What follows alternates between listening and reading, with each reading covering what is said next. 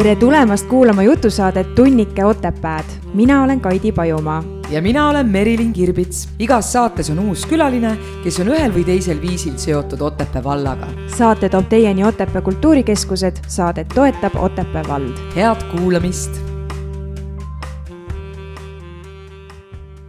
ja tere, Kaidi. no tšau, Merks väga suur rõõm on olla siin meie Tallinna stuudios ehk minu elutoas ja miks me siin oleme, see on ikka sellepärast, et äh, saada kätte ka inimesi, kes ei ela enam Otepääl. tegelikult ei tahaks üldse väga palju aega raisata meie sissejuhatusele täna, sest nagu me oleme viimaste saadetega aru saanud, siis see aeg on nii lühike ja meil jääb nii palju selle inimesega rääkimata. jaa aga..., aga sa muidugi eelmises saates väga kavalalt kohe suunasid juttu minu juurde, Kaidi, kuidas sina oma tee leidnud oled? aga äh, tore on see, et me tulime küll Tallinnasse mm -hmm. seda saadet tegema mm, -hmm. aga see inimene, kes meil täna külas on, tuli täna hommikul Tallinnast tegelikult, sealt Otepäält ja, ja see on kusjuures üldse hullult naljakas ja me saame kolmekesi kõik Tallinnas kokku, aga me kõik oleme Lõuna-Eestist, et nagu noh, okei okay,, ma saan aru, et teie kahekesti elate muidu Tallinnas, aga. no meid toob siia ikka töö, ma saan aru, et sind toob siia midagi muud igalühel omad. armastus, armastus. igalühel omad käigud, aga no, näha, et äh, sära on silmades ja mm. -hmm. ja jätkuvalt ka... me räägime minu särast räägiks sinu särast ka, aga tegelikult ärme räägi üldse meist kahest. absoluutselt ja, sul on ka väike sissejuhatus meie tänasele külalisele jaa on.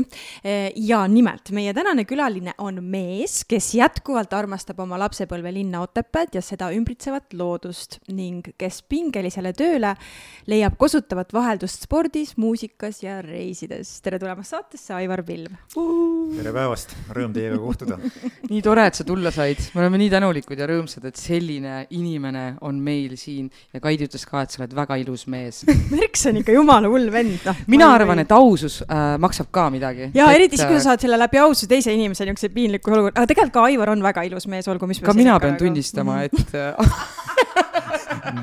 nii palju selliseid sooje ja üllatavaid komplimente, et võtab kohe südamelt põksuma. aga Aivar, sinu lapsepõlv möödus Otepääl, et äh, kas, äh, kui pikk või kau-, kui kaugele sinu suguvõsa ulatub Otepääle nii-öelda, kas sa oled äh, põline ja?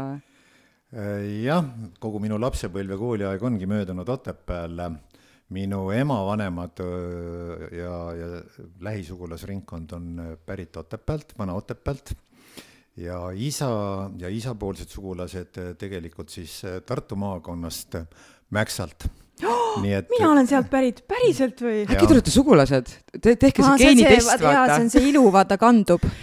jaa, mina teie suguvõssa ei kuulu nii et võib öelda, et äh, juurte poolest siis äh, niisugune Lõuna-Eesti inimene mm. -hmm. aga ütleme nii, et sinu elutee on toonud sind Tallinnasse, aga, ja sa, aga sa ikkagi käid Otepääl, et äh, mis, mis asi see on, mis sind ikka Otepääle tagasi viib ja kui tihti sa üldse käid seal? no ma arvan, et ma käin ikkagi väga tihti.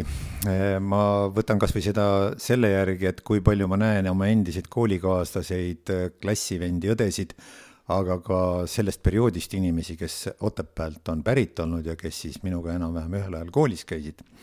et äh, enamust ma neid seal ei näe või näen suhteliselt harva, aga see seos kujunes kuidagi niimoodi välja, et kui ma läksin Otepäält äh, Tartusse, Tartu Ülikooli õppima, siis ikkagi oli harjumus kogu aeg nädalavahetustel Otepääl käia, sellepärast et Otepää tundus mulle ikkagi kõige parem linn.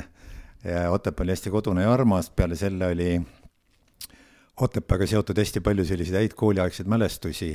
ma pean silmas äh, sellist sportlikku poolt, meelelahutuslikku poolt, sellest on ilmselt palju räägitud ju, et Otepääl oli sellel ajal ka hästi aktiivne kultuurielu, eriti selle aja, nõukogude aja mõttes, kus sa neid kuulsaid Eesti ansambleid nägid muidu ainult televiisorist, aga Otepääl erinevalt paljudest teistest väikestest kohtadest Eestis mm. oli võimalik neid ansambleid näha ka kas Pühajärve pargis esinemas või ka siis Kultuurimajas et see oli nagu selline hea, hea seltskondliku elu mõttes ja väga paljud inimesed, sealhulgas ka näiteks Tallinnast, Tartust käisid Otepääle just oma nädalalõppe veetmas nendel põhjustel, et, et seal oli hästi aktiivne elu nii spordi kui ka kultuuri mõttes, et sellest ongi need head mälestused jäänud. Ja noh, ülikooli ajal muidugi mõjutas ka mingil määral kindlasti see, et et ma hakkasin ise ka mingil ajal diskosi tegema ja siis ma olin kultuurimajas, Otepää kultuurimajas reedeti, laupäeviti väga tihti ametis talvel ja suvel just. et sügis- ja kevadhooajad olid vaiksemad, aga, aga kõrvuti Tartus erinevate disko tegemise kohtadega oli Otepää ka üks kuum koht. ja need ka... jutud ikka levisid kaugele, et Aivar Pilv käis plaati keerutamas omal ajal Otepää. aga ma saan aru, et siiamaani püü-, püütakse sind nagu meelitada vist plaati mängima vahepeal, kas ei ole nii või, et kuule, et kas sa võiksid ikka tulla? No ütleme, et neid jutte, ettepanekuid on äh, olnud ja, ja on tehtud ja abikaasa Marina on ka tagant torkinud ja mõned üksikud korrad on isegi olnud, ma ei ole sellega nagu kaasa läinud praegult. et äh, ma olen lubaduse andnud ja ma pean ilmselt selle ära siis täitma oma sõpradele, tuttavatele ja võib-olla ka siis mõnedele nii-öelda diskofännidele sellest ajast et äh, ma olen lubanud siis vähemalt ühe retrodisko teha. sa võid seda teha oma kolmekümnendal sünnipäeval ju nojah kahjuks see on juba möödas aga sa oled äh, siis kõva melomaan, ma saan aru, et sa ikka kuulasid siis muusikat, sest millest see huvi muidu tekib, eks ole? no vot, see oli selline aeg Otepääl, kus ma keskkooli ajast mäletan, et äh, nüüd ju sellel aastal on räägitud palju sellest diskosünnist, viiskümmend aastat, aga Otepääl äh, minu mäletamist järgi hakkas niisugune aktiivne diskoelu seitsekümmend kolm, seitsekümmend neli. loomulikult siis äh, meid veel kultuurimaa uksest pidudele sisse ei lastud, sest me olime liiga, liiga noored, aga, aga õige pea sai hakatud kultuurimaas käima, ma arvan, et seitsekümmend kuus ja edasi ja, ja siis olid ju ka Otepää keskkoolis ehk gümnaasiumis olid kooliõpilaste peod, ma mäletan, et kuus vähemalt üks või kaks pidu, lisaks Nääri ja Nääripidudele jõulupidusid sellel ajal ei olnud. Siis äh, Eesti Vabariigi tolle aja kõik tuntumad diskorid, kes üldse hakkasid diskoga tegelema, käisid tegelikult tänu sellele keskkonnale, millest ma enne rääkisin mm, -hmm. kultuur ja muusika ja nad käisid Otepää kultuurimajas äh, diskosi tegemas ja võib öelda, et, et siis oli võimalik näha sisuliselt äh, kogu seda Eesti Vabariigi sellist aktiivsemat ja tegus, tegutsevat diskorite paremikku ja sealt tegelikult tekkis kuidagi selline huvi või, või, või niisugune kaasaminek sellega, et ma mäletan, et keskkooli lõpus äh, siis ma kogusin lihtsalt muusikat, salvestusi ja lindistusi, nii nagu tegid ka paljud koolikaaslased. aga ma kogu aeg mõtlesin, et aga kui nemad teevad või keegi teine teeb ja mõned klassivennad ja koolivennad proovisid, et miks siis mitte mina ei võiks seda teha. Ja ülikoolis õppides ja seal ülikooli klubis käies ja EPA klubis käies see, kuidas ma ütlen, kiusatus ainult süvenes mm. -hmm. ja siis sai lihtsalt ühel hetkel otsustatud, et, et tuleb ära proovida, et noh, mul oli selline mõte, et, et ega ma siis ei, ei ole ju halvem kui nemad, et äh, kõige hullemini ka välja ei kuku. no ja nii saigi alustatud. aga kuidas sa muusikat kogusid nagu, mis, mis, mis, ma ei, praegu ei vii seda aastaarvu kokku, et mis, oli... mis kandjatel sa ja sellel on oma ajalugu. ei, ei, ei, see on veel kaugem ajalugu. lindid. lindid, need olid need lind, lindmakid, jah. kui kättesaadav tegelikult muusika ei olnud ju. see oli, see smuugeldamine või? see oli ikkagi ääretult raske, selles mõttes võib öelda, et, et kui täna seda rääkida nooremale põlvkonnale, siis ma arvan, et nad ei kujutagi ette, et esiteks eh, inimesed, kes tulid Tallinnast nii-öelda, kui me räägime, et meie oleme Tallinnast üle kantud filmi kontekstist, siis see oli tegelikult nagu hästi positiivne, et inimesed tulid ja rääkisid, mida tuleb Soome raadiost, Soome televisioonist, sest meie raadiost sa seda ei kuulnud mm, -hmm. mingil ajal hakkas see Tõnis Erilaiu soovisaade Eesti raadios, Vikerraadios kell kaksteist kolmkümmend, pool tundi, hiljem läks pikemaks, siis seal mängiti kõrvuti sotsmaade muusikaga ka mõningaid selliseid tuntumaid lääne ansambleid, noh, alustades Apast ja Smoke'ist mm -hmm. ja nii edasi, aja möödudes loomulikult tulid ka uued ansamblid.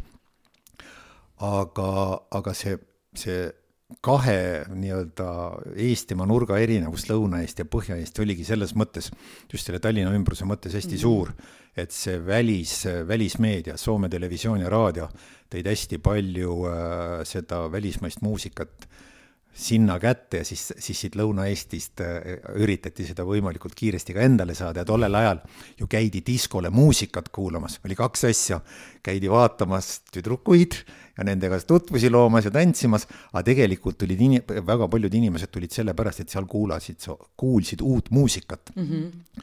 ja diskorid pidid kogu aeg mõtlema sellele, kuidas ma suudan olla selle teise või kolmanda või neljanda konkurendiga samal tasandil, et mul on sama muusika käes, et ma ei tohi maha jääda. või ma saan et, kiiremini selle ja, laulu kätte, nagu mis välja täpselt, tuli, on ju. täpselt, nii oli ja see oli tegelikult ka veel ülikooli ajal täpselt nii, sest ega see aeg ei aeg ei lõppenud ju ülikooli ajal, see ikkagi lõppes kaheksakümnendate lõpus, see selline suletud ühiskonnaaeg. aga siis selle muusika kättesaamine oligi, osteti plaate üksteise käest ja vahetati, need olid hästi kallid, neid ei saanud keegi endale väga lubada raha eest osteti lindistusi mm., plaatide kaupa olid sellised isikud, kes siis teenisid sellega raha, et nad said plaate kätte, nad tegid sulle raha eest lindistusi, sina mm. siis said endale need äh, lindistused sinna äh, magnetofoni lindile, mida sa siis mängisid ja niimoodi lindistati ka teineteise käest, et kui keegi sai siis mingi lindi täis muusikat, siis anti sõbrale, sõber lindistas lindi ümber, siis pidi olema kaks võimalikult kvaliteetset magnetofoni ja nii edasi ja nii edasi, ma ei hakka sellest äh, rääkima, kui arhailine see tehnika tänapäeva mõttes oli. aga see on kus... nagu ka põnevam nagu selles mõttes see, kui kättesaadav tänapäeval mm -hmm. kõik on, nagu see inimesel nii suur valik, tal ei, tal ei ole vaja mitte kuidagi nagu panustada või nagu, et kätte saada. me nagu muusikat. nagu väärtustame ka asju kindlasti tunduvalt vähem tänu sellele, et kõik on nii kättesaadav, me kohe tuleme selle teema juurde tagasi, me teeme siinkohal ühe väikse pausi.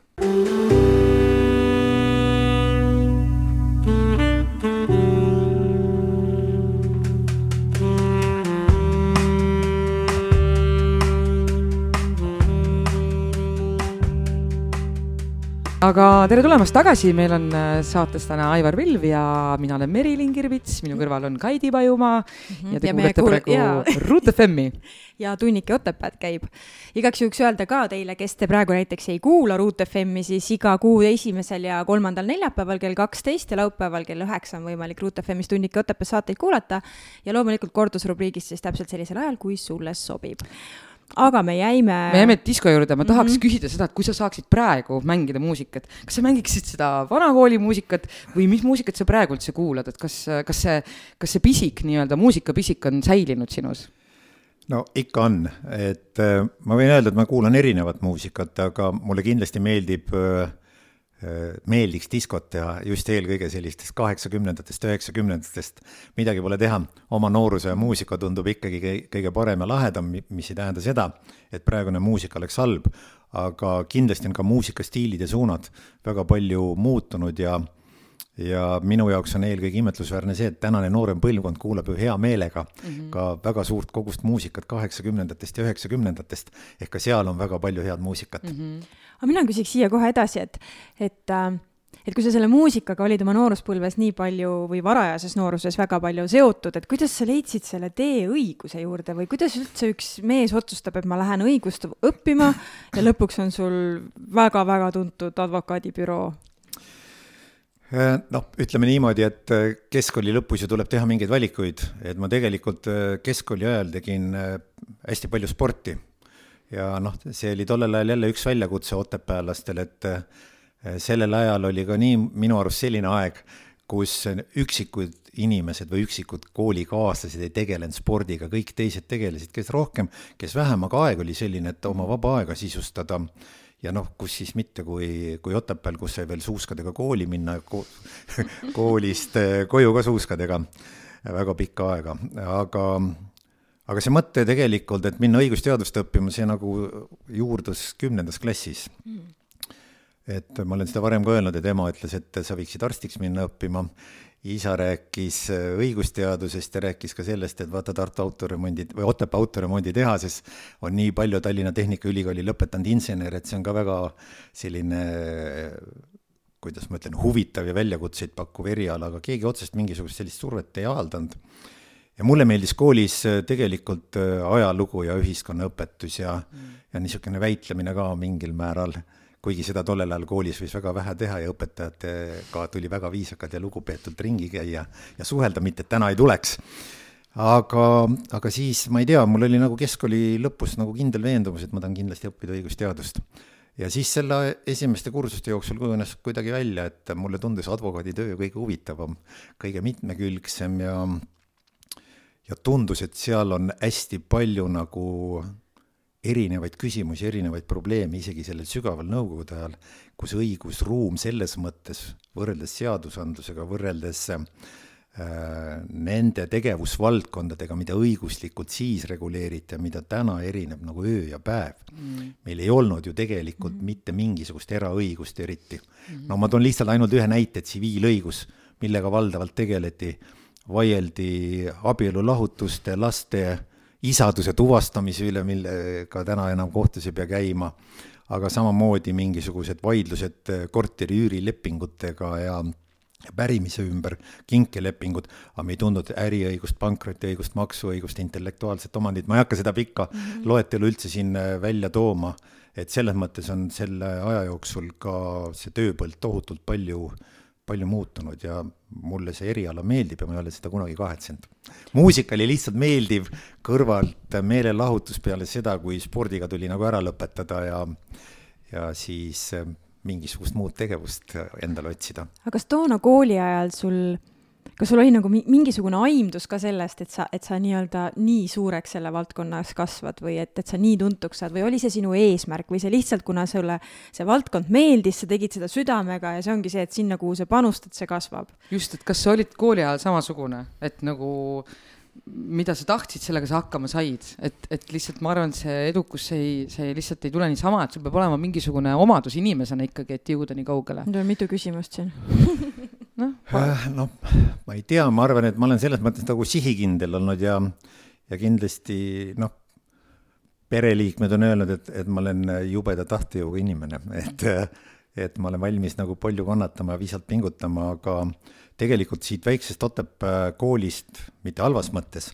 aga väikselt Otepäält Tartussegi õppima minnes, siis ikkagi mõtlesid juba sisseastumise eksami, sisseastumise eksamit tehes, et kuidas ma nende Tallinna, Tartu ja teiste suuremate linnade äh, väga palju kiidetud koolidega, nende lõpetajatega suudan konkureerida, kas ma sinna ülikooli ikka sisse saan või mitte. Äh, noh, läks õnneks, et äh, tegelikult ma mäletan, et isa ja ema kogu aeg kodus ka sisendasid mulle seda, et kõik on sinus endas kinni, sa pead olema ise püüdlik, sa pead olema kohusetundlik, sa pead olema korrektne sellises stiilis ja sellises mõttemaailmas elades ongi nagu võib-olla kuidagi iseenesest välja kujunenud, et, et nende mõtete järgi elades äh, ongi nii välja kujunenud ja ja no ütleme niimoodi, et äh, pärast ülikooli lõpetamist tegelikult polnud ka kellelegi väga loota, et ma mäletan, et kui ma Tallinnasse tööle läksin, mul ei olnud korterit, mul ei olnud mingit elamispinda, mul ei olnud seal ühtegi lähisugulast. emaorg kunnis nii-öelda nõukogude ajale iseloomuliku tutvuste kaudu selle, et eh, Tallinnas Pärnu maanteel oli pedagoogilise instituudi ühiselamu perekonnaseisuosakonna kõrval. miks ma seda ütlen, kohe selgitan ja seal oli ühiselamus Nõukogude ajal ette nähtud isolaatorite plokk, see oli mõeldud tegelikult gripi, muude viirushaiguste ajal inimeste isoleerimiseks ja välisõppejõudude, kes tulid Nõukogude Liidust, majutamiseks. Ja ema sai mulle sinna ühe isolaatoritoa kus oli raudreform voodi, kapp, laud ja tool. mul mitte midagi muud ei olnud, aga mul oli aknast imeline vaade perekonnaseisuametisse, kust kogu aeg noorbaarid sisse ja välja liikusid aga seda ma nägin ainult tööpäeva lõpus. et ma tagantjärgi mõtlen, et, et kuidas üldse sellistes tingimustes niimoodi aasta-poolteist ära elada ja seda noh, kuidas ma ütlen, depressiivset keskkonda taluda, et see tagantjärgi tundub niisugune suhteliselt, suhteliselt kõva tegu aga vaata, kõik need sellised asjad karastavad mm -hmm. ja mhm. enne te küsisite, et mis sind Otepääga seob. iga nädala lõpp ma sõitsin sealt sellisest keskkonnast loomulikult Otepääle diskot tegema või nautima seda talve. see hoidis sind elus, vaata. jah, et, et see oli see, et ma tulin alati lau-, äh, pühapäeval Otepäält ära teadmisega, et ma saan reedel jälle siia tagasi tulla aga kui sa ülikooli ära lõpetasid, kuidas su tee edasi läks, et millal sa lõpuks jõudsid selleni, et sa, et sa enda asja lõid?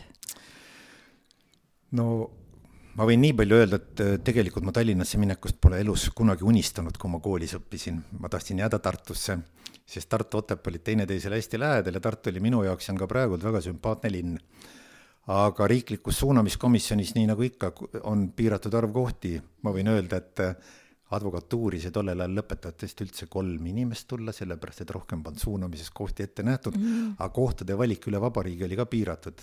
oli Valga, oli Tallinn oli Kohtla-Järve oh. ja mul oli valida, et kuhu ma siis minna tahan, et ma tahan advokaadiks kindlasti saada või advokatuuri minna mm. -hmm. siis ma valisin Tallinna selle põhimõttega, et kuna ma elasin Otepääl ja ma olin Valgas käinud ja ma pean tunnistama, et Otepää tundus mulle väga kaunis linn võrreldes Valgaga.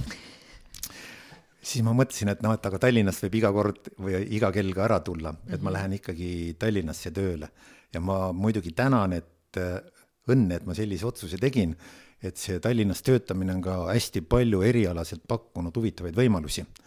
mitte, et kuskil mujal ei oleks võimalik, aga ma arvan, et õigusega seotud just sellises advokaaditöös on Tallinn kõige suuremaid võimalusi ja, ja väljakutseid pakkuv. aga oma büroo sai tehtud tegelikult siis, kui selleks tuli aeg. kaheksakümne neljandal aastal ma lõpetasin ülikooli ja oma büroo sai asutatud üheksakümne kolmanda aasta üheksateistkümnendal veebruaril, nii et veebruarikuus saab kolmkümmend aastat sellest wow. täpselt. ja aga see mõte keerles tegelikult peas üheksakümne esimese aasta lõpust, aga oli keeruline aeg. me teame kõik, mis mm. nooremad inimesed mm. lugedes, et oli tohutu vaesus, tohutu mm -hmm. majanduskriis, bensiini ei olnud äh, tänavad olid lahti ajamata, rääkimata sellest, et keegi ei teadnud, mis sellest rahakursist saab, et eh, puudus julgus teha esimest sammu, et otsustada enda advokaadibüroo kasuks ja niimoodi tegelikult see mõte tuksus mingi aasta-poolteist, enne kui see otsus sai tehtud peale krooni tulekut ja, ja kui oli näha, et, et noh, nagu elu hakkab normaliseeruma ja et Eesti Vabariik krooniga ja iseseisvalt saab täitsa edukalt hakkama et siis see ühe mehe büroona niimoodi alustatud samm-sammu järel ja ja noh, ega see ongi tulnud, ega see ongi lihtsalt tulnud nagu tööga ja mm -hmm. kõik, ma ei oskagi tee tööd, näe vaeva, siis saad suurema laenu endale palju sul täna töötajaid on? palju täna mm? -hmm. ei ole väga palju, ma arvan, et umbes viisteist. ma ütlen sellepärast umbe, umbes viisteist, et äh, meil on ka, meil ka see Covidi aeg tõi sellise mm -hmm. huvitava arengu büroos, et meil neli naiskolleegi siirdusid äh, lapse sünnitus- ja hoolduspuhkusele, nüüd mm -hmm. hakkavad osad neist juba tööle tagasi tulema, aga et seetõttu see koosseis on olnud ka selline, et, et osad inimesed on vahepeal olnud äh, nii-öelda tööst kas siis osaliselt või täielikult eemal, et, et noh, niisugune, sellepärast ma ütlengi, et circa viisteist inimest on tööprotsessis sees. ma mõtlen, et tänapäeval on ju tegelikult, kui sa lööd sisse advokaadibüroo või noh, kogu selle terminoloogia, mis iganes sõna seal on ju, siis tuleb tegelikult neid büroosid ju hästi palju. et äh, see, et sa oled suutnud endiselt nagu hoida lippu kõrgel, kas see tuleb sinu kogemusest, et sa oled nii pikaajaliselt nagu sellel turul või sellel maastikul olnud või, või ikkagi sellest sinu tohutust sellisest tahtejõust, et sa armastadki seda, mida sa teed ja sul on selline tohutu tahe seda hoida? eks seal on, ma arvan, et kõik asjad läbisegi põimunud, advokaadibüroosid on tõesti Eestis tohutult palju mm -hmm. ja, mhm. ja noh, kui mõelda, et väikses Eestis on circa tuhat kakssada Eesti advokatuuri liiget, kellest umbes tuhatkond on aktiivselt tegutsevad advokaadid mm -hmm. iga päev, siis tekib küsimus, et kuidas nad kõik siia sellesse õigusruumi mm -hmm. ära mahuvad. Äh, ma arvan, et äh, põhiline võib-olla see, mis on taganud nagu mingi järjepideva arengu, on see, et ma olen iseenda ja, ja kolleegide suhtes väga nõudlik ja selles mõttes ka kriitiline, et ma olen püüdnud siis alati võimalikult maksimaalset kvaliteeti taga ajada enda oskuste baasil, nii palju kui oskad, endast parima anda ja selle järgi ka õpetada ja juhendada nooremaid kolleege, loomulikult jälgid ja püüad omaks võtta ka kõike seda, mida sa näed teiste kolleegide töös ümberringi. et ega ma arvan, et siin ei noh, ühelt poolt aastad annavad kogemuse, aga teiselt poolt ei saa kunagi jääda loorberi, loorberitele puhkama. et on ka näiteid sellest, kuidas terve rida kolleege, kellega me kõik omal ajal äh, alustasime ja me kõik oleme ju unistanud, et kunagi hakkab elus kergem olema, ei pea enam nii palju tööd tegema ja saab võtta veidi äh, elu nautivamalt, et ähm, oli ka neid kolleege, kes ähm, läksid seda teed mööda ja noh, paratamatult siis äh, konkurents surub sind lihtsalt kõrvale mm. -hmm. kui sa nii-öelda hakkad kergemalt võtma, siis mm -hmm. sa mhm. leiad ennast piltlikult öeldes sõitmas rongis kogu aeg järjest äh, tagumistes vagunites. kui ma, kui ma mõtlen selle õiguse peale, siis see tundub minu jaoks nagu, et see on mingi konflikt. et see, et selles mõttes, et see tihti tuleb ikka mingisugusest negatiivsest kokkupõrkest, sul on vaja nii-öelda abi. et äh, mis sulle meeldib selle töö juures, miks sa teed seda või nagu? no ütleme, et eks see õigusega seotud valdkonnad on tegelikult väga erinevad ja noh, ma arvan, et äh, koos ühiskonna arenguga on kõik inimesed aru saanud, et, et advokaadi töö ei ole alati ainult õiguslikke konflikte ja vaidlusi lahendada, vaid väga oluline on ka tihtilugu advokaatide käest õigel ajal nõu küsida, et teha õigeid otsuseid mm. või jätta mingid riskantsed sammud astumata või kui neid on ikkagi vaja või olude sunnil ähm, noh, pole pääsu nende tegem-, tegemisest, et siis inimene teaks ette arvestada, milliste riskidega ta mingisugusele väljakutsele või olukorrale vastu läheb aga õigusvaidlused on, mulle meeldivad advokaaditöös õigusvaidlused, õigusdokumentide koostamine on muidugi nende üks paratamatu koostisosa, aga täna võib ka öelda, kui hästi laias laastus jagada, et on advokaadid, kes tegelevadki hästi palju just äriõiguse ja kõige selle valdkonnaga seonduvate nõustamistega, lepingutega, ettevõtete ostmise, müügiga, meie büroo on valdavalt spetsialiseerunud õigusvaidluste lahendamisele ja mulle õigusvaidluste lahendamisel meeldib just eelkõige see, et et seal, kui sa saad inimest või ettevõtet või mingit organisatsiooni abistada olukorras, kus ta väga tihti ka satub sellesse olukorda mittetahtlikult, mitte enda vigade tõttu, võib-olla vahel enda teadmatusest või kedagi liialt usaldades, et siis sa saad neid ikkagi aidata ja sellest keerulisest olukorrast välja tuua aga kriminaalmenetlustes ja suurtes ja mahukates ja keerukates asjades on jälle ka see pool, et isegi kui inimene on millegi vastu eksinud, siis seal on kindlasti ka selliseid asjaolusid, mida tuleb seejuures arvestada, välja tuua ja kohtule selgitada selleks, et siis õiguslik hinnang sellele rikkumisele või eksimusele oleks võimalikult objektiivne, võimalikult õiglane. Aga kui sa saad äh, nii-öelda, võin kliendiks nimetada neid inimesi või kes pöörduvad su poole? ei need, kes pöörduvad õigusabi saamiseks, jah, need on ikkagi kliendid meie jaoks. ei ole patsiendid ei, kliendid, kliendid. et ähm, ma mõtlen, et kui sa näed, et äh, tal ei ole õigus, et kuidas sa nagu siis selle olukorraga toimetad? no mina olen äh, praktiseerinud nii ja, ja soovitanud ka noorematel kolleegidel hoida ikkagi ühte kindlat joont. kliendile tuleb alati rääkida nii objektiivselt ja nii ausalt, nagu mm -hmm. sa asja näed.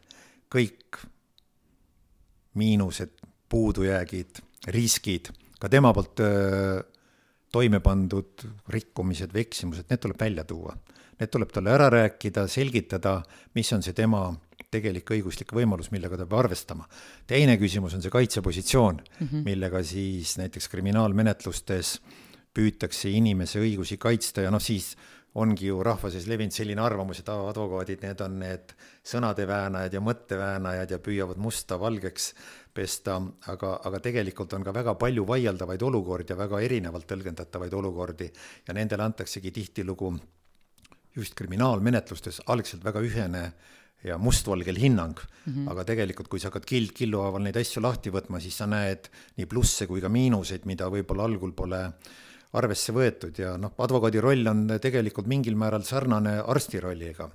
et kui inimene pöördub su poole ja abi vajab, siis sa pead tegema otsuse, kas ma olen valmis seda inimest aitama või mitte.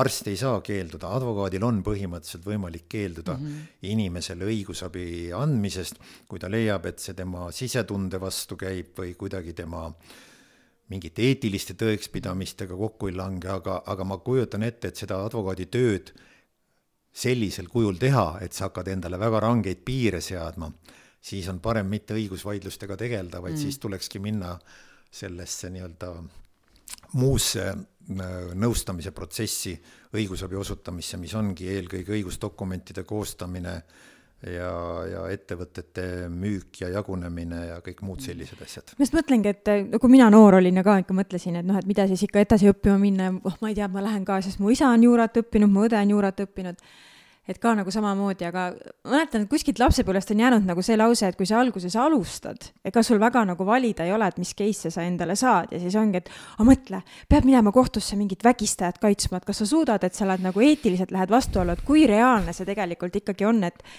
et sa tead, et see inimene on süüdi, sa pead minema kohtusse seda kaitsma, et kuidas sa suudad nagu leida need argumendid? Või, või selliseid asju ikkagi ei tehtagi?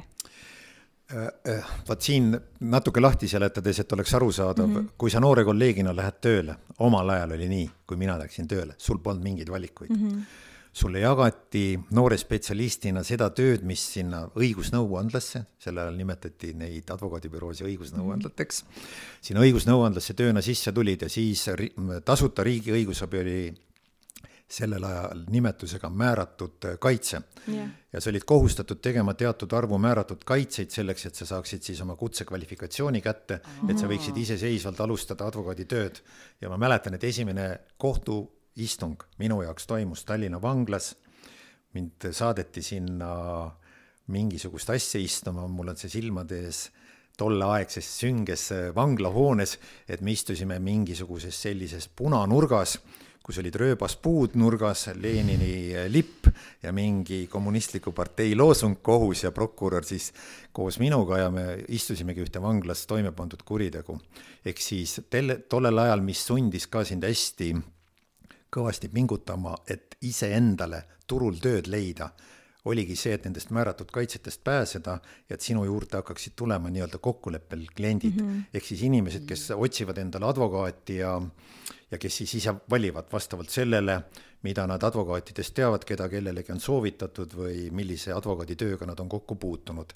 tänapäeval tuleb see väga paljuski ka ütleme, selle büroo spetsialiseerumise kaudu, büroo poolt kujundatud maine kaudu, kvaliteedi hinnangute alusel aga selle baasi või põhja loovad ikkagi siis ütlema eelkõige need advokaadid, kes selles büroos pikemat aega töötavad, nooremad kolleegid siis mm. peavad nende käe all õppima, kogemusi saama, neid samu kutse- ja kvaliteedistandardeid edasi viima, nii et noh, ütleme, et täna tegelikult siis on võimalik advokaadil, kes ei tee riigi õigusabi Äh, on võimalik ikkagi valida, millise tööga ma tegelen, millisega mitte ja on loomulikult töid, mida ei võeta vastu. Ja võin öelda, et on asju, millega ei ole tegelenud ja millega ei taha tegeleda ja võib-olla eelkõige ka seetõttu, et sa oled kunagi elus olnud olude sunnil millegi analoogsega tegelema mm mil-, millist liiki asjadega sa tulevikus tegeleda ei taha mm. -hmm. ja noh, ütleme, et need sellised traagilised, traagiliste tagajärgedega asjad eelkõige,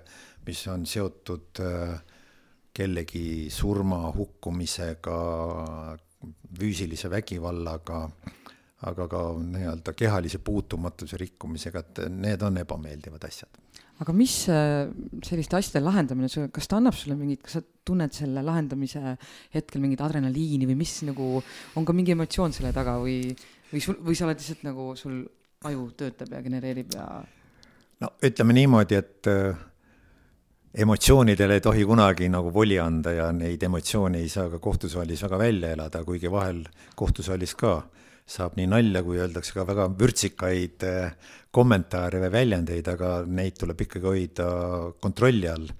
ja noh, kohus ka kindlasti reageeriks sellele, kui seda hakkab keegi kuritarvitama. aga no kõrvalt vaadates tundub see advokaadi töö alati, ma olen aru saanud, inimestele väga ilus ja lihtne ja kuidagi muretu. filmides on ju näha kõik. ei tea, ilus ja lihtne küll ei ole, minu meelest aga, nagu hästi huvitav küll, aga. et see on hästi huvitav, aga ta on tegelikult vaimselt hästi pingeline töö, sa pead läbi töötama ikkagi väga palju ja analüüsima erinevaid materjale mm. -hmm. ja kui me räägime nendest suurtest ja mahukatest kriminaalasjadest, majanduskuriteod ja maksuõiguslikud teod ja, ja nii edasi siis seal on tohutu materjali maht, et noh, siin on ajaloost teada, et see maadevahetuse asi, seal oli sada üheksakümmend üks toimikut kriminaalasja materjali. No.. igas köidi, igas köites kakssada viiskümmend, kolmsada lehekülge. Suuremad kriminaalasjad, viiskümmend köidet, seitsekümmend köidet, see on see materjal, mida sa pead analüüsima, välja noppima, olulise, kriitilised asjad ära lahterdama, positiivsed asjad ära lahterdama, sa pead need läbi arutama kliendiga, sa pead analüüsima neid tõendeid, sa pead tunnistajate ütlusi analüüsima, mida järgmistelt tunnistajatelt küsida, kui sa oled kuulanud ära, mis eelmised on rääkinud, et selles mõttes ta nõuab ikkagi hästi kõva keskendumist. Ja sa räägid sellest kõigest ja su nägu on naeru, sulle meeldib see täiesti. mulle tundub see tõesti nagu nii suur koorem ikkagi nagu ja justkui ongi, ma ei tea, on seal vägivalda, mida iganes, surmasid, et just see emotsioon nagu, et kuidas sa, kuidas sa sellega päriselt toimud, kas sa nagu ei lähe emotsionaalselt selle sisse, vaid sa võtadki nagu ainult faktid ja kuidas sa hoiad selle ikkagi endast eemal, et sa oled kindlasti õppinud vist ka hoidma ennast, aga alguses niisuguse rohelise lehena minna, siis ju kõik no löögid võtad vastu. eks elu õpetab ja eks mm -hmm. elu karastab ja noh, nagu öeldakse, et igas ametis ju mingil määral kasvab inimesele paks nahk selga, aga ma ei taha nüüd öelda, et, et sa muutud täitsa ükskõikseks ja tuimaks. aga noh, pead püüdma ka mingeid asju kindlasti endast äh, läbi laskma ja no ma võingi öelda, et ma tegelikult olen püüdnud mitte tegeleda väga palju selliste kriminaalasjadega, nagu ma enne rääkisin, mis on isikutevahelised ja isikute suhtes toime pandud sellised füüsilise mm. vägivallaga mm -hmm. käitumisaktid. jaa, neid on olnud ja väga raske on ka kliendile ära öelda, näiteks kui pikaajaline klient tuleb ja sa oled talle õigusabi osutanud ja tema äriühingutele õigusabi osutanud ja kui ta ütleb, et vaata, aga minu perekonnaliikmel või minu sugulasel või minu heal sõbral on õigusabi vaja mm, -hmm. ka sellises keerulises olukorras, et ka ole hea, aita ja kui sa siis ütled, et ei, ma alati muidu olen valmis, aga nendes olukordades, kus on väga raske, mitte, siis see on ka nagu kliendile halb äh, tagasiside, sest tema võtab seda niimoodi, et aga nüüd kõige raskemas olukorras mm, -hmm. sa ei ole valmis mind aitama. nii et selliseid valikuid tuleb ka paratamatult teha ja nende üle peab ka mõtlema ja ütleme, et eh, noh, nendes asjades ei ole kõige meeldivam osaleda ja ei ole kõige parem tunne tööd tehes, aga ütleme nii, et sellest, sellest saab üle, sellepärast et ega korraga ongi sul laual ju ikkagi kümneid ja kümneid erinevaid asju, millega sa paralleelselt tegeled. need pakuvadki mingil määral head vaheldust. Et äh, see ei ole niisugune rutiinne töö, et iga päev lähen ja teen üht ja sama. Et kui te küsisite enne, et mis on selle töö võlu, see ongi minu arvates see, et see on hästi mitmekülgne, seal on hästi erinevaid õiguslikke probleeme.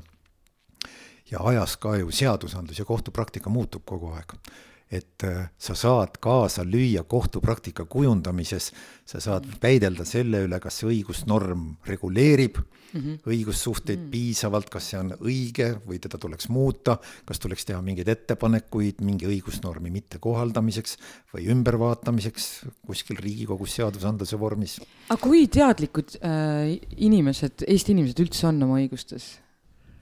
No ma ütleks niimoodi, et äh, seda progressi on ikkagi äh, olnud väga palju ja see on positiivne areng olnud. see, kuidas inimeste õigusteadvus on kasvanud ja, ja arusaamine enda õiguste kaitsest, loomulikult on äärmuslikke näiteid olemas, kus seda kiputakse kas siis kuritarvitama või siis öö, äh, oma kibestumist mingil määral välja elama ja õigussüsteemi sarjama ja mm -hmm. räägitakse kogu aeg mingist stagneerunust riigist ja õigussüsteemist, siis tegelikult mina julgen küll väita, et alati on igas ühiskonnas arenguruumi ja kindlasti on ka õigusruumis võimalik teatud asju paremini teha, aga ma julgen siiski Eesti õigussüsteemi suhtes nii õigusemõistmise kui ka muus mõttes seisukohalt hinnata, et Eestis on praegult siiski täiesti hea ja objektiivne kohtusüsteem.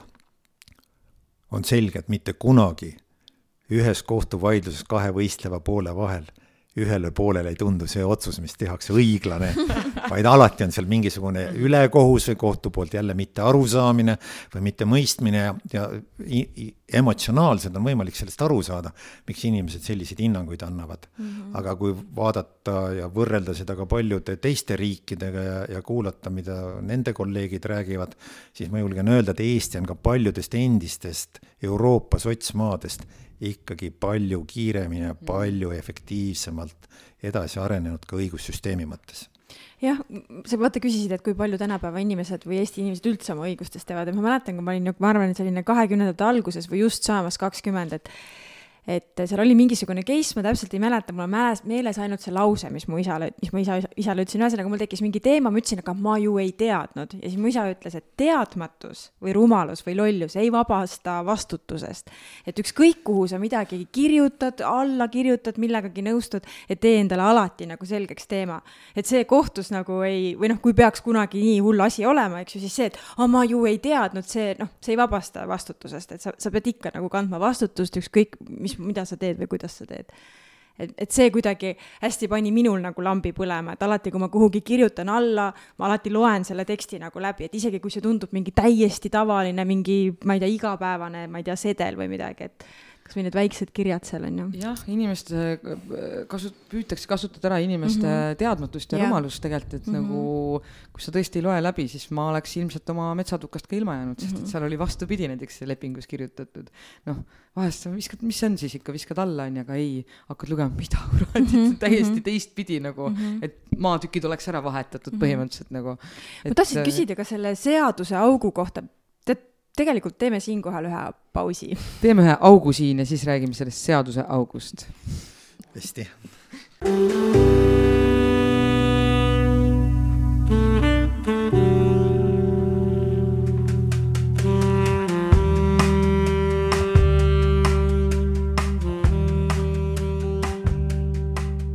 nii, olemegi tagasi, saade Tunnike Otepääd, külas on meil Aivar Pilm, mina olen Kaidi Pajumaa ja mina olen Merilin Kirbits ja see siin on Ruut FM just Eh, tahtsin küsida sellist asja, filmides on hästi tavaks selline, et on mingisugune hull case, eks ju, siis advokaadid teevad jubedalt tööd ja siis leitakse mingi seaduseauk ja nad lähevad selle peale välja ja siis see hea tegelane võidab, eks ju. nii, kas sinu elus on ka olnud selline olukord, kus on mingi raske case ja sa üritad nagu leida mingisugust lahendust ja siis sa reaalselt leiadki mingi seaduseaugu ja sa nagu tuginedki sellele ja sa lahendad ära selle. või see ongi lihtsalt mingi illusioon, film?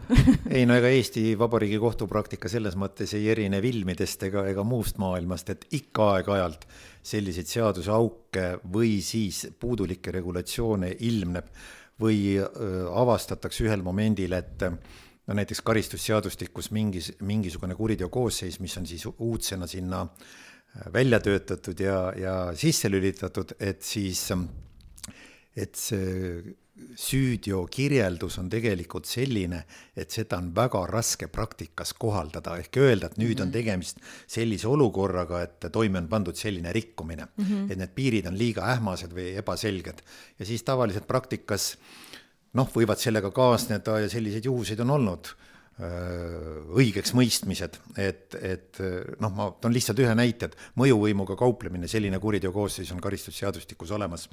et ma mäletan, et ma istusin kunagi päris alguses, kui see õigusnorm oli sinna kuriteokoosseisuna lülitatud karistusseadustikku ühte asja, kus siis tegelikult me väitlesime kohtus, et mis see mõjuvõimuga kauplemine on, kus on see piir, kus on selgitamine, lobitöö, kõik sellised muud asjad ja kust hakkab siis see mõjuvõimu ärakasutamine ja sealt tuli õigeksmõistev otsus eelkõige seetõttu, et tegelikult ei olnud võimalik selget piiri tõmmata just äh, selles osas, et mida saab siis isikule ette heita ja kui talle seda ette heitada, aga kuidas me siis kellelegi teisele täpselt samasugust analoogset tegevust ette ei heida, et selliseid mm -hmm. olukordi on, aga kindlasti on ka selliseid olukordi äh, nendes vaidlustes, kus äh, tõendite analüüs, faktide analüüs lõpuks viib täitsa teistsugusele järeldusele kui alguses on paika pandud, nii nagu ma ütlesin, et võetakse mingi mustvalge skeem mm, -hmm. öeldakse, et midagi on rikutud või keegi on kohustatud mingisuguseid asju ümber hindama, aga siis tegelikult tuleb välja, et kui sisuliselt hakata kõike uurima, kui kirjalikke tõendeid uurida, palju inimesi üle kuulata, siis kokkuvõttes on võimalik jõuda täpselt vastupidisele järeldusele. või ei ole vähemalt, ütleme siis, ilma ümber lükkamata kahtlusteta öelda, et inimene ongi millegi vastu eksinud. et kõik mhm. kahtlused tuleb ju mm. vähemalt kriminaalmenetluses tõlgendada isiku kasuks kohtul on muidugi ka alati tõlgendamisruum, et kui palju ja mida ta seal inimese kasuks tõlgendab ja mida ta siis ütleb, et ei, mingi asi on ikkagi piisavalt tõendatud selleks, et kahtlused kõrvale lükata. aga ka, ma rääkisin küll nüüd nagu kriminaalmenetluse näidetest, aga täpselt samasuguseid probleeme on äh, õiguse rakendamisel ka teistes valdkondades, kus on vaieldud, noh, ma toon ühe näite, näiteks maksuõigus, kus maksuõiguse normide tulumaksu või, või maksukorraldusseaduse üle ajalooliselt on vaieldud ja, ja alati, kui mingi uus valdkond on tekkinud õiguses, eriti palju oli neid üheksakümnendate alguses, üheksakümnendate keskpaigaks ja siis, kui me hakkasime Euroopa Liiduga liituma, kui tuli mm. viia Euroopa Liidu õigus õigus noh, nii-öelda üldpõhimõtete direktiividega ka meie õigussüsteem kooskõlla, siis äh, nende seaduste väljatöötamisel ja kohaldamisel tekkis ikka ja jälle küsimusi ja probleeme just äh, selle õiguse tõlgendamise mm -hmm. ja mhm. selle aukude täitmise, katmise osas. see areneb kogu aeg, siis ma saan aru, on ju. ma küsin ühe küsimuse veel, mul kripeldab muidu, siis võid edasi küsida, siis lähme rohkem võib-olla Aivari enda juurde ka, on ju. üks, üks küsimus siin mm -hmm. jah, aga see, jah.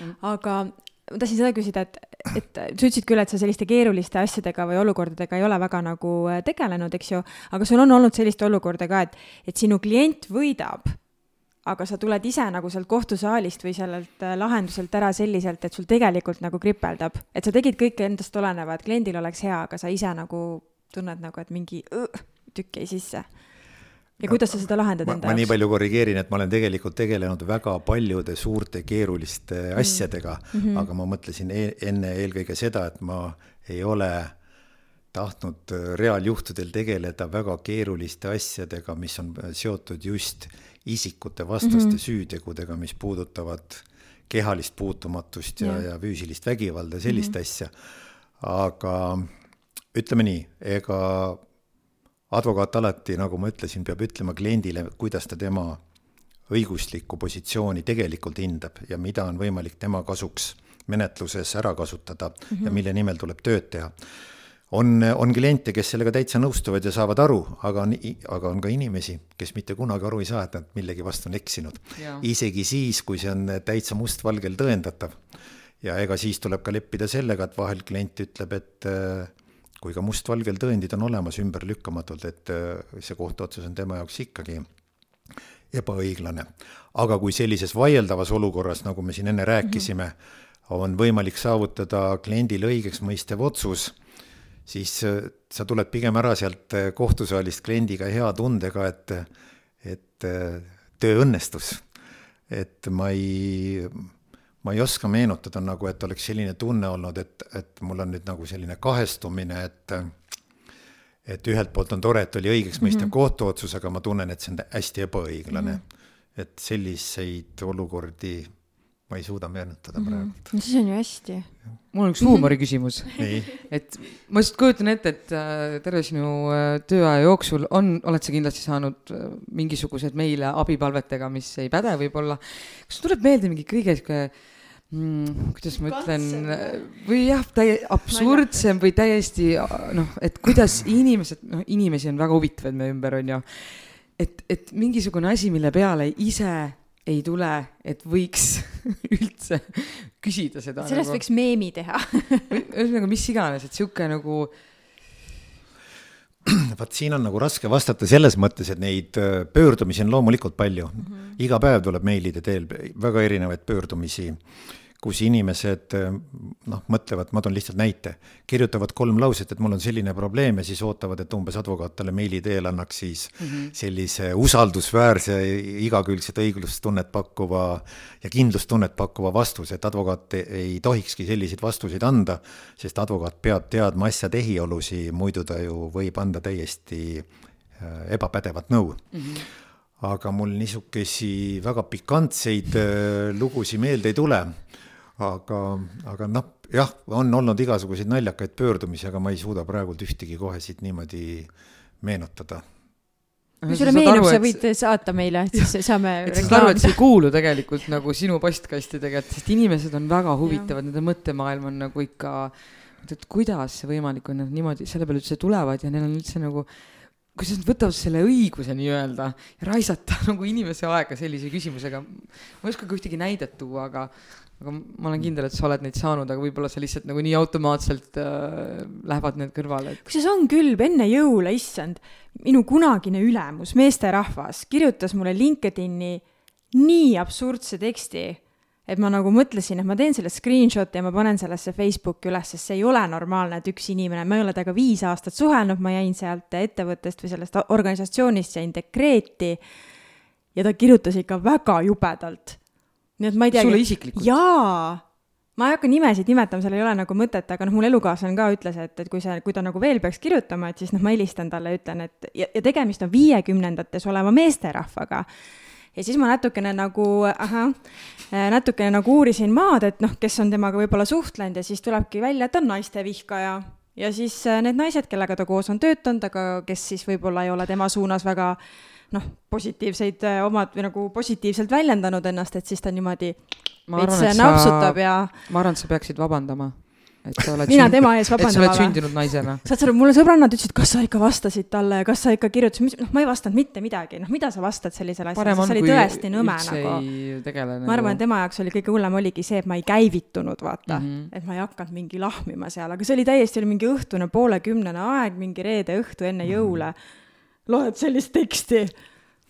sellisel äh, tundlikul ajal äh, tekivadki inimestel liigsed emotsioonid ja neid ma oleks pidanud Facebooki ka üles panema, vaadake, mis ma arvan, et ei oleks pidanud. Aivar, mis sa arvad mina arvan, et mitte tähele panna üldse. ma olen, ma olen, ma arvan, et ma olen selles mõttes nagu halb nõuandja, et äh, mul ei ole Facebooki kontot ja ma Facebooki kaudu üldse mingisugust suhtlust ei loo äh,. ma möönan, et äh, tänu sellele ma kindlasti kaotan sotsiaalseid sidemeid paljude äh, inimgruppidega ja kindlasti äh, ei aita see kaasa nii-öelda klienditöös uute klientide juurdevõitmisele. aga ma arvan, et äh, tänapäeval on üks probleem, mille inimesed iseendale tekitavad sotsiaalmeedias mm, -hmm. ongi väga kriitikavaba esimese emotsiooni pealt mingite hinnangute, kommentaaride andmine. noh, mida kinnitab kasvõi see lõputute vaidluste arv, mis on tekkinud viimastel aastatel nende ebaõigete faktiväidete ja väärt-, kohatute väärtushinnangute avaldamisega kuni solvamiseni ja, ja ja, ja mis, mis siis ütleme, paljudel juhtudel on äh, üle võimendatud reaktsiooni mõttes, et inimesed iga kommentaari peale tormavad kohe kohtusse pöörduma ja neile on loodud selline mulje, et äh, kohus nüüd pakub neile tohutult palju õiguskindlust ja õiguskaitset ja et nad saavad sealt mingisugust märkimisväärset rahalist kompensatsiooni. aga tegelikult mina, minu soovitus on inimestele, et mitte iga negatiivse kommentaari või mingisuguse halvustava märkuse peale põlema minna, närvi minna ja mitte hakata neid kohtuvaidlusi pidama selleks, et oma aega, närvi ja raha kulutada mitu aastat äh, sellele, et ühe või teise lause tähenduse üle vaielda. et ma mõistan, et inimene peab oma au, väärikust ja head nime kaitsma, aga kui me hakkame kõik reageerima sellele, kui me vaatame kas või igapäevast meediat, millistes äh, väljendites mingeid kommentaare antakse kas või avalike elutegelastele, siis mul on tunne, et nad peaksid kolmsada kuuskümmend viis päeva aastas ainult kohtus käima oma head nime kaitsmas, et, et, et seetõttu äh, tuleb siin püüda säilitada võimalikult kainet meelt ja esimesed emotsioonid nii-öelda endast läbi lasta. ja kui tegemist on tõepoolest ikkagi ilmselgelt ebaõigete faktiväidetega inimese head mainet ja nime kahjustava äh, avaldusega või, või mõtetega, et siis sellele reageerida, küsida nõu, mida on võimalik teha ja kuidas oma õigusi kaitsta, aga samas inimesed võiksid ka mõelda, enne kui nad midagi kirja panevad. ma just ütlesin, mõtlesin ka seda, et tegelikult ega sa ise vastutad selle eest, et sa endast ka pildi paned mm. -hmm. et tegelikult meil on ju õigus kõigil nagu avaldada oma arvamust avalikult. ei, see on pilt, ma jagasin võtad... seda kirjutamisteenust ja ma olin ühe artikli kirjutanud sel teemal ja siis ta nagu vastas sellele, ma ei pannud sinna mingit poose pilti. ja, ja, aga selles, sa pead sellega mm -hmm. arvestama, et tegelikult kui sa juba pildi avalikult üles paned mm, -hmm. sa oled juba natuke nagu avaliku elu tegelane mm -hmm. inimene selles mõttes, et sa pead arvestama sellega sellega, et sealt võib tulla midagi vastu. aga tead, Merks, meil on jälle, oleme sellise nõmeda lõhkise küna ees, et nii palju tahaks veel rääkida, aga saateaeg on meil juba läbi saanud et.... täitsa läbi või? jah. mis on elus sinu jaoks tähtis? elus tähtis, oi, noh, see ei ole ainult üks asi, neid on mitu. ma ikkagi arvan, et hästi oluline on lähedaste inimeste olemasolu ja head ja soojad suhted perekonnas ja, ja lähedastega teine asi, ma arvan, et hästi oluline iga inimese jaoks tema elukvaliteedi mõttes, no kõlab võib-olla veidi vanainimeselikult, aga tervis. et äh, neid näiteid on nii palju, kus ka noored inimesed tegelikult läbi selle elus oma elukvaliteeti kaotavad või ei saa seda, mida tänane ühiskond kõike pakub, kasutada ja realiseerida, et, et, et see on minu jaoks äh, hästi oluline. positiivseid emotsioone pakkuvaid sündmusi, üritusi võiks olla et ma olen äh, vaatanud ja igaüks on kindlasti kogenud igal aastal, et on äh, üritused, programmid, projektid, mis sind köidavad, mis, mis seovad ja mis tekitavad sellise hea sooja tunde, et, et inimesed hoolivad teineteisest, et noh, ma olen näinud ka seda nagu läbi oma abikaasa Marina, kes vähekindlustatud perede laps, lastega tegeleb äh, selle päikselaagri programmi raames mm. -hmm et äh, millised probleemid tegelikult inimestel on ja, ja kui sa siis näed, kuidas neid lapsi on võimalik aidata mm -hmm. ja kui mhm. siiralt nad reageerivad, vot see on see hea soe tunne, millest sa tunned, et, et maailm on muutunud paremaks või on vähemalt pakkunud jälle inimestele noh, kas ilusaid hetki või paremaid võimalusi, kui neil igapäevaselt on võimalik kasutada. küsin veel ruttu siia otsa, et me teame, kus kohas sa ennast maandad, aga kuidas sa ennast maandad? kas sa teed veel sporti? Jaa. käid suusatamas? no ma ütleme siis äh, kevadest, äh, kui lumi ära läheb, äh, kuskil seal aprillikuust kuni novembri alguseni sõidan maanteeratast oh.. teen seda nii palju, kui aega on ja kui palju kui palju jõuan, et ma võin öelda, et eelmisel aastal oli viis tuhat kilomeetrit. et mingi sadakond sõitu ja, ja no ma võin öelda, et see on ka väga hea stressi maandamise vahend, sport, ma pean silmas ju muusika. et sport kasvõi selle vaimse pinge maandamiseks, mida sa tööalaselt mm -hmm. nagu kogud ja see varjatud stress, mis sul sellest mõttetööst tekib, et, et kui ikkagi paljudel päevadel kümme-kaksteist tundi tööd teed, et kui sa saad minna siis kaks tundi kuskil värskes õhus füüsiliselt ennast koormata, on väga mõnus tunne. pärast oled nagu uuesti sündinud ja, ja talvel kindlasti viimasel paarikümnel aastal on mäesuusatamine see, mida ma olen teinud, et mina käin alati Kuutsemäel võimalikult palju, kuigi paljud eestlased ütlevad, et mis mägi see on, see on ju küngas. kui sa lähed Alpidesse suusatama, siis välismaalased, kui nad küsivad, et milline on see Eesti kõrge mäetipp, kui sa siis nimetad neid, siis kõik küsivad, et kas ma mõtlen ikka tõsiselt, et need on ka mäed, sest noh, need on tõesti künkad nende jaoks. aga ma ütlen, et Kuutsemägi või mõni teine siin Lõuna-Eesti suusakeskus mägede mõttes, lisaks murdmaasuusatamisele, on juba seetõttu hea koht et kui sa siis Alpidesse lähed talvisel ajal suusatama, sa oled nii-öelda selleks ette valmistanud ja saad Alpidest palju rohkem rõõmu ja sa saad seda sõitu rohkem nautida, mitte sa ei hakka seda esimesel suusapäeval seda suusatunnetust otsima mm -hmm. eelmisest talvest. et Alpides mulle meeldib ka väga käia ja Alpid on juba ainuüksi looduslikud imelised, et seal võiks elada viimane küsimus, vastad ühe lausega, kas sa lähed kunagi tagasi Otepääle elama? Olen mõelnud, lõplikku otsust veel ei ole. nii, aga nüüd küsin mina viimase küsimuse on sul mingi tsitaat või mõttetera, mis on sind saatnud terve elu või millele sa mõtled siis, kui ei ole olnud kõige kergem päev? no ma võtan jälle võib-olla sellest kodusest niisugusest mõttemaailmast oma vanemate kaudu, et äh, nad alati sisestasid, sisendasid sellist mõtet, et äh, võib-olla raske, võib-olla valus, aga alati tuleb äh, omada sihti edasi liikuda ja vastu pidada, et kindlasti homme või ülehomme on jälle parem. Vau, mul on tunne, et sa pead oma vanematele ikka väga tänulik olema, et, et kui sa oled jõudnud siia, kus sa oled jõudnud ja sa tuletad meelde oma vanemate ütlusi, siis siis me saame aru, et tegelikult äh, meil on väga suur osa oma laste kasvatamises, ma usun, et sa kõike seda jagad ka oma lastele? no püüan, nii palju kui välja tuleb aitäh sulle, Aivar, et sa leidsid meie jaoks selle tunnikese, see on sinu tiheda graafiku juures kindlasti kõige lihtsam ülesanne ja see sära ja, ja sa oled väga suur eeskuju. sa oled, sa oled nagu naerupall täitsa lõpna uskumatu, et sa oled teinud kolmkümmend aastat nii rasket tööd ja sa tuled ja särad, et see on äh, väga muljet. kadestamisväärne lausa. aitäh teile ka nende komplimentide ja selle saatetunni eest. aitäh sulle. aitäh teile, kuulajad. tšau. you